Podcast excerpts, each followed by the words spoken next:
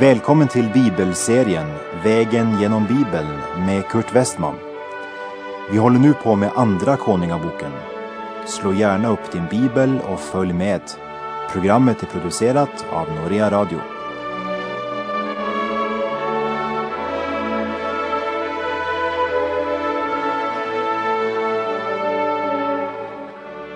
I förra programmet såg vi hur kungen i Juda valde att göra sällskap med avgudsdyrkaren Joram och drog ut i strid utan att fråga Herren.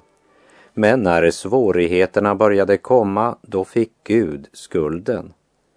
Vi vandrar vår egen väg och när konsekvensen av våra val gör sig gällande, då säger vi, varför gör Gud så här mot oss? Men det var inte Herren som hade sammankallat varken till denna allians eller till den krig vi läste om i kapitel 3. Men det var avgudsdyrkaren Joram som tagit initiativet till det.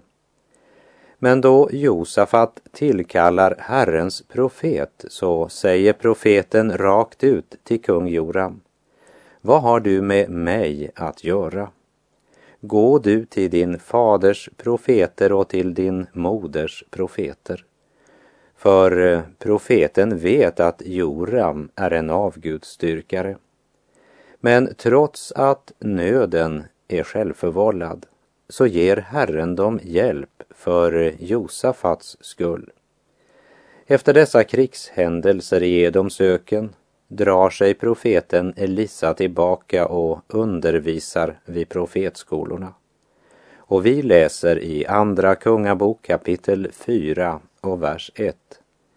Och en kvinna som var hustru till en av profetlärjungarna ropade till Elisa och sade Min man, din tjänare, har dött och du vet att din tjänare fruktade Herren. Nu kommer hans fordringsägare och vill ta mina båda söner till trälar. Det är tydligt att Elisa kände den här mannen och änkan säger till Elisa, du vet att din tjänare fruktade Herren. Men nu är han död och han har efterlämnat sig en obetald skuld som fordringsägare nu har kommit för att kräva betalning för. Och när den skuldsatte nu saknar tillgångar så kan han kräva den skuldsattes efterlevande som betalning. Därför så kom nu dem som hade givit lånet och krävde att få ta hennes två söner som slavar. Och Elisa ser det som sitt ansvar att hjälpa den här familjen liksom Mose lag också talade om att man ska visa omsorg för änkor och föräldralösa. Och nu ska du lägga märke till vad Elisa säger till den här fattiga änkan, som är så utarmad att hon måste ge sina söner som slavar, därför att hon inte äger någonting att betala med. Likaväl säger Elisa, vad har du? Han frågar den här fattiga änkan vad hon har. Vi läser i vers 2. Elisa sade till henne, vad kan jag göra för dig? Säg mig vad du har i huset. Hon svarade, din tjänarinna har inget annat i huset än en flaska smörjelseolja. Liksom Herren Jesus tog utgångspunkt i de två fiskarna och fem bröden för att mätta fem tusen män förutom kvinnor och barn, så tar profeten utgångspunkt i något som änkan har i huset. Jag har ju bara en flaska med smörjelseolja, säger änkan. Men det som är intressant för Gud är inte hur mycket vi har, men vad vi gör med det vi har. Vi läser verserna 3 till och med 5. Då sade han, gå och låna dig kärl utifrån av alla dina grannar. Tomma kärl, men inte för få. Gå så in och stäng igen dörren om dig och dina söner och häll i alla dessa kärl. Och när ett kärl är fullt så flytta undan det. Då gick hon ifrån honom och sedan hon hade stängt igen dörren om sig och sina söner bar de fram kärlen till henne och hon hällde i.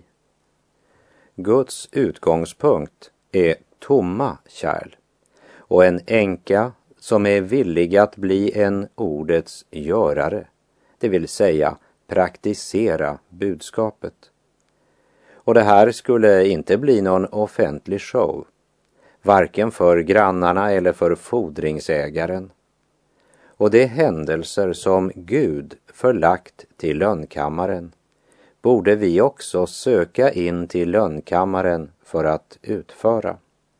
Stäng dörren om er, säger profeten, och gör som jag har sagt.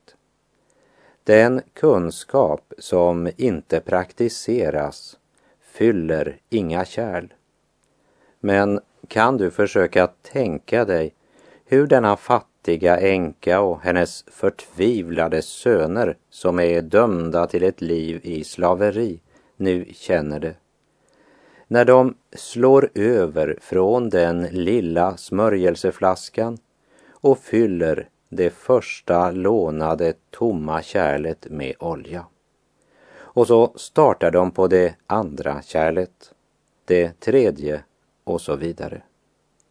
Det är inte bara en glädje över att slippa träldomen, men vissheten om att nu är Gud verksam.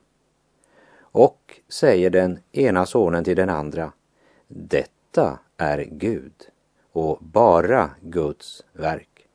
Och då svarar den andre, ja, verket är Guds, men han kallade oss till att bära fram kärlen. Och deras mor fortsätter att hälla olja i ännu ett kärl. Vers 6. Men när kärlen var fulla sade hon till sin son, bär framåt mig ännu ett kärl. Men han svarade henne, här finns inget kärl mer. Då stannade oljan av.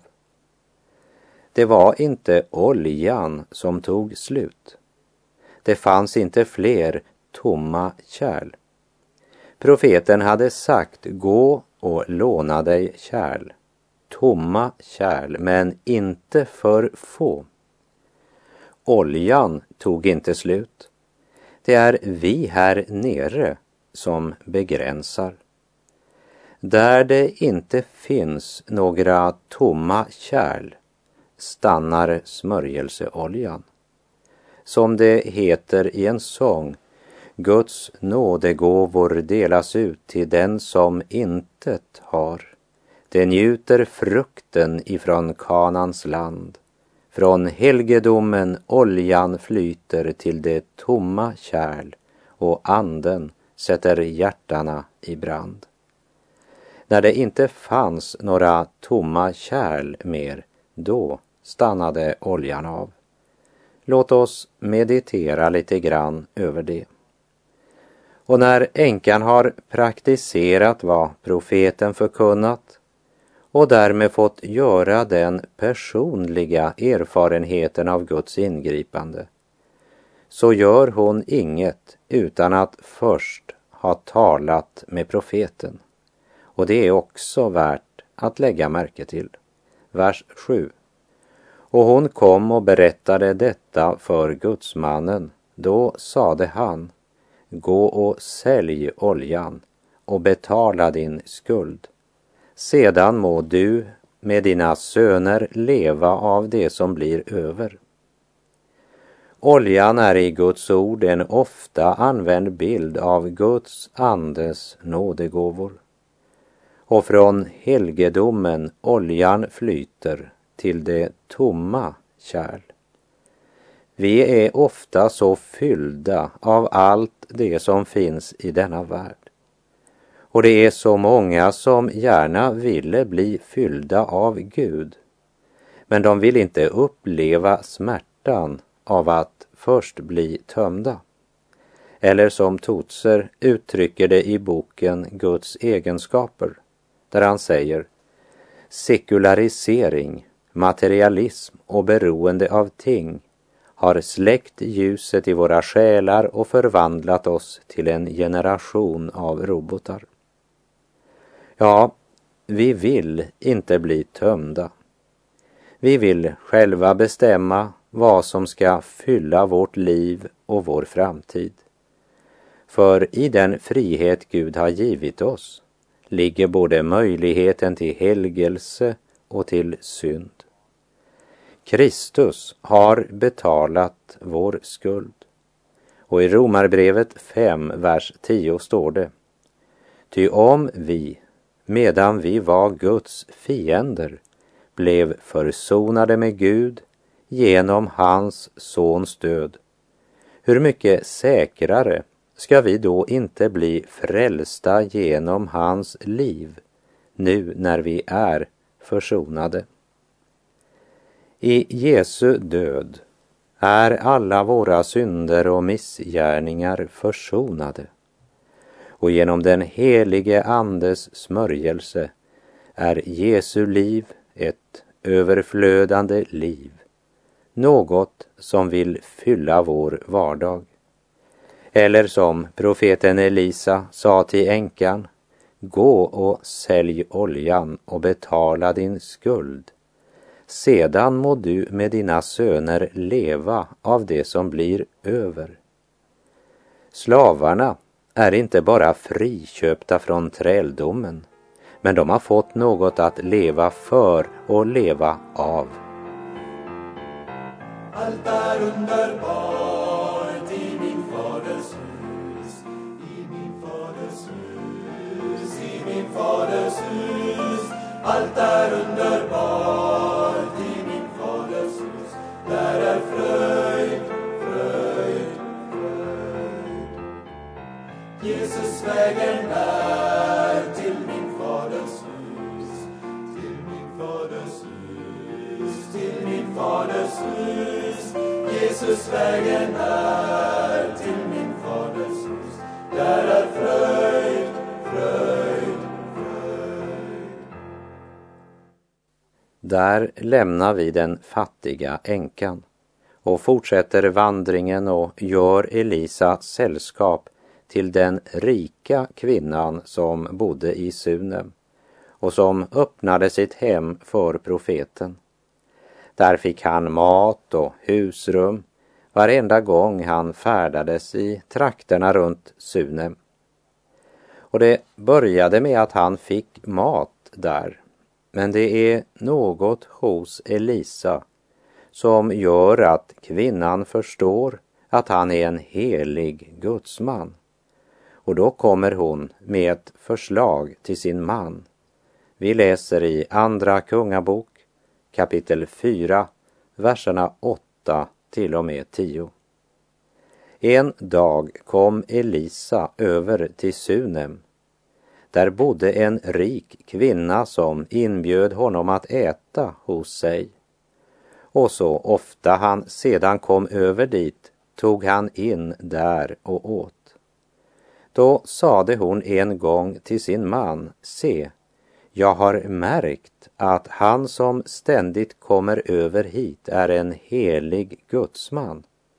Så låt oss nu mura upp ett litet rum på taket och där sätta in åt honom en säng, ett bord, en stol och en ljusstake så att han kan få ta in där när han kommer till oss. Här kan jag inte annat än bli en smula nostalgisk när jag tänker tillbaka på alla de hem där jag har bott på mina predikoresor både i Sverige, Finland Norge och Danmark. Varma troende hem som hade ett rum för predikanter eller evangelister eller missionärer, en eh, profetkammare.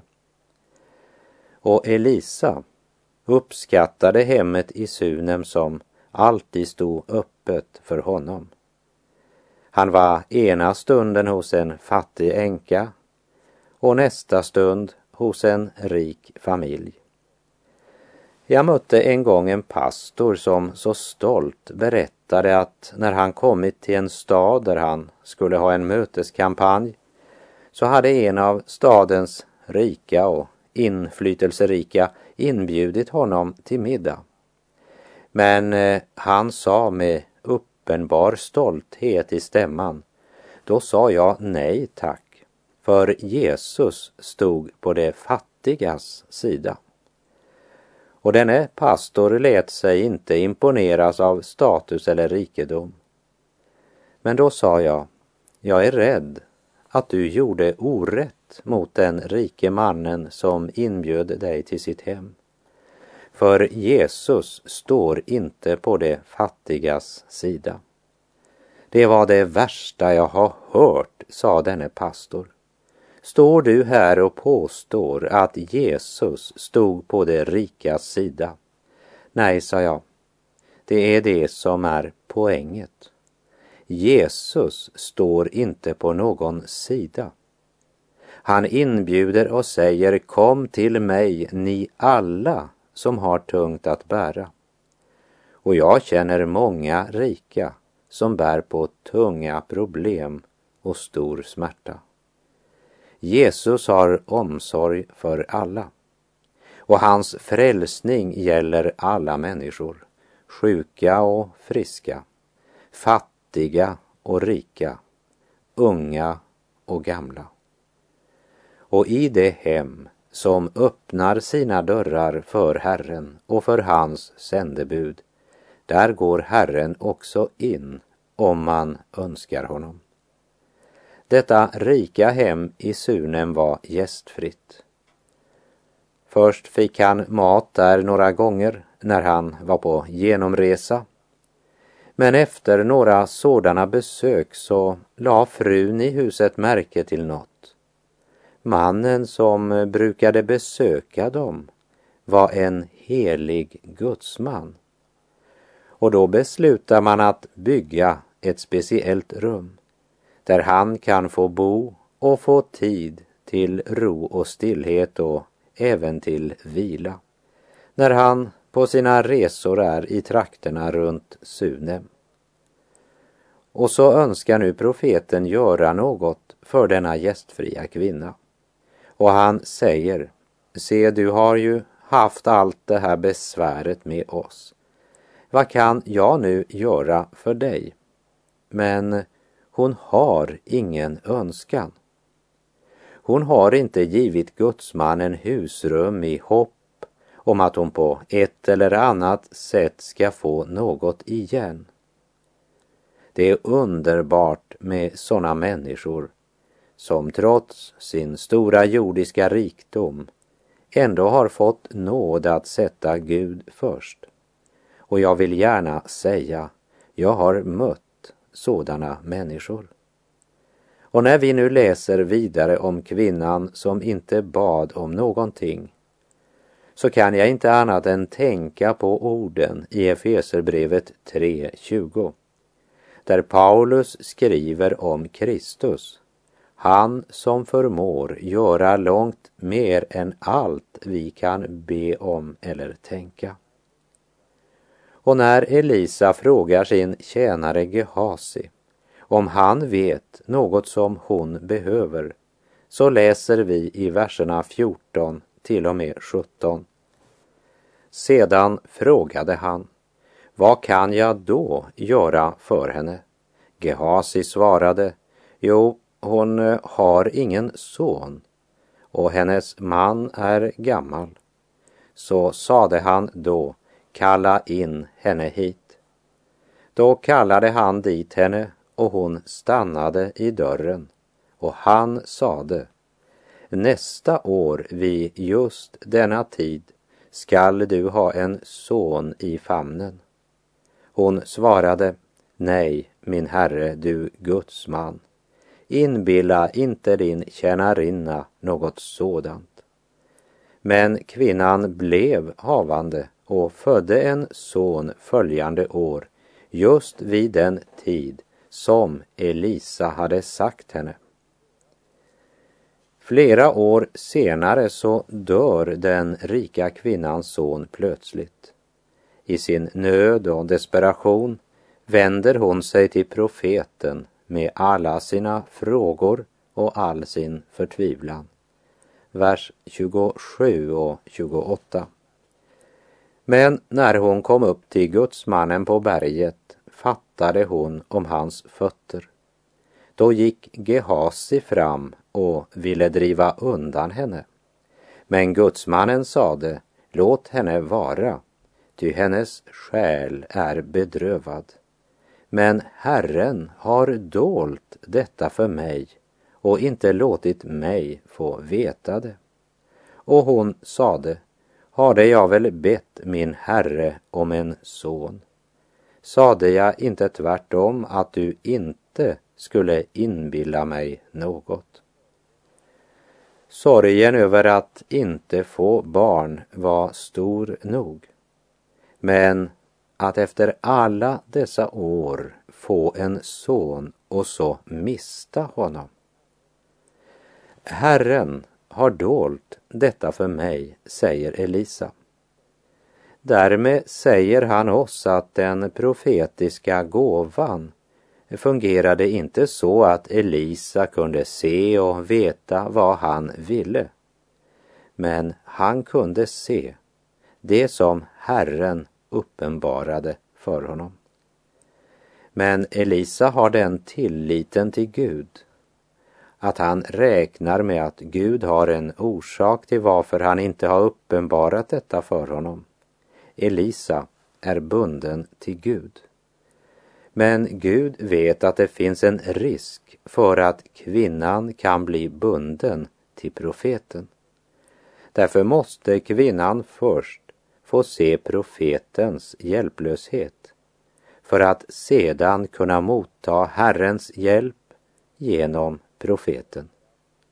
Och efter att profeten har väckt hennes son till liv får hon honom tillbaka. Hennes son är ett dubbelt under. Och allt började med att hon öppnade sitt hem för en av Herrens kringvandrande profeter.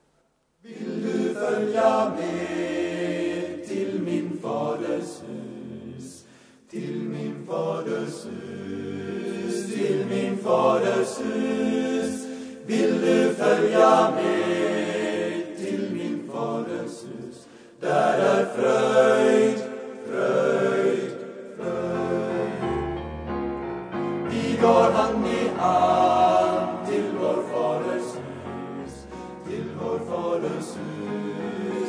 vår faders hus. Vi går hand i hand till vår faders hus. Där är fröjd, fröjd, fröjd. Därmed har vi kommit till Elisa fjärde mirakel. Vi läser i Andra Kungabok kapitel 4, verserna 38 till och med 40. Och Elisa kom åter till Gilgal medan hungersnöden rådde i landet. När då profetlärjungarna satt där inför honom sade han till sin tjänare Sätt på den stora grytan och koka något till soppa åt profetlärjungarna. Och en av dem gick ut på marken för att plocka något grönt. Då fick han se en vild slingerväxt och av den plockade han något som liknade gurkor, sin mantel full. När han sedan kom in skar han sönder dem och lade dem i soppgrytan, ty de kände inte till dem. Och de öste upp åt männen för att de skulle äta. Men så snart de hade börjat äta av soppan gav de upp ett rop och sade Döden är i grytan, du gudsman. Och de kunde inte äta. Här presenteras vi för en profetlärjunge som vi inte får veta namnet på, för Herren önskar det så. Utan tvivel en ivrig och tjänstvillig profetlärjunge.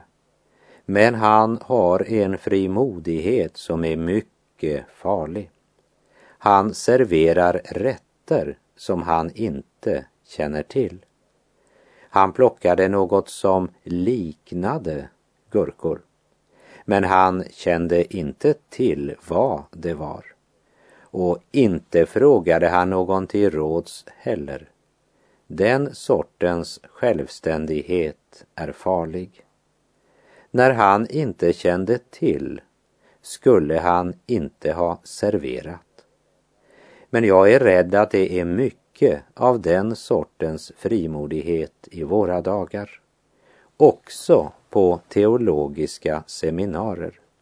Och då är det saligt om det finns några studenter som kan ropa sitt varningsrop. Det är död i grytan.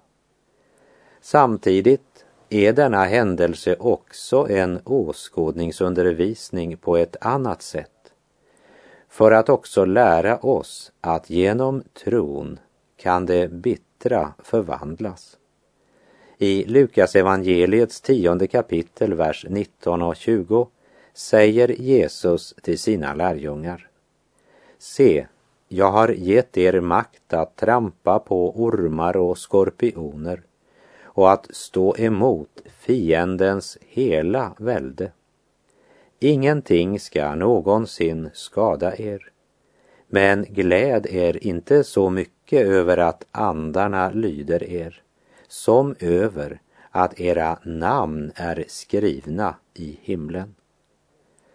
Men det påminner oss också som sagt om att Gud måste vara den som kontrollerar vad vi serverar. Vittnesbördets kock måste slå upp i ordets kokbok så vi vet vad vi lägger i grytan innan vi serverar andra och innan vi själva väljer att äta det. Andra Kungabok 4, verserna 42 till och med 44. Och en man kom från Baal Salisa och förde med sig åt gudsmannen förstlingsbröd, tjugo kornbröd och ax av grönskuren säd i sin påse. Då sade han, ge det åt folket att äta. Men hans tjänare sade, hur ska jag kunna sätta fram detta för hundra män? Han sade, ge det åt folket att äta. Ty så säger Herren, det skall äta och få över. Då satte han fram det för dem, och det åt och fick över som Herren hade sagt. Efter programmets slut så ber jag dig gärna läsa Johannesevangeliets sjätte kapitel. Och med det så får jag säga tack för den här gången på återhörande. Herren vare med dig. Må hans välsignelse vila över dig. Gud är god.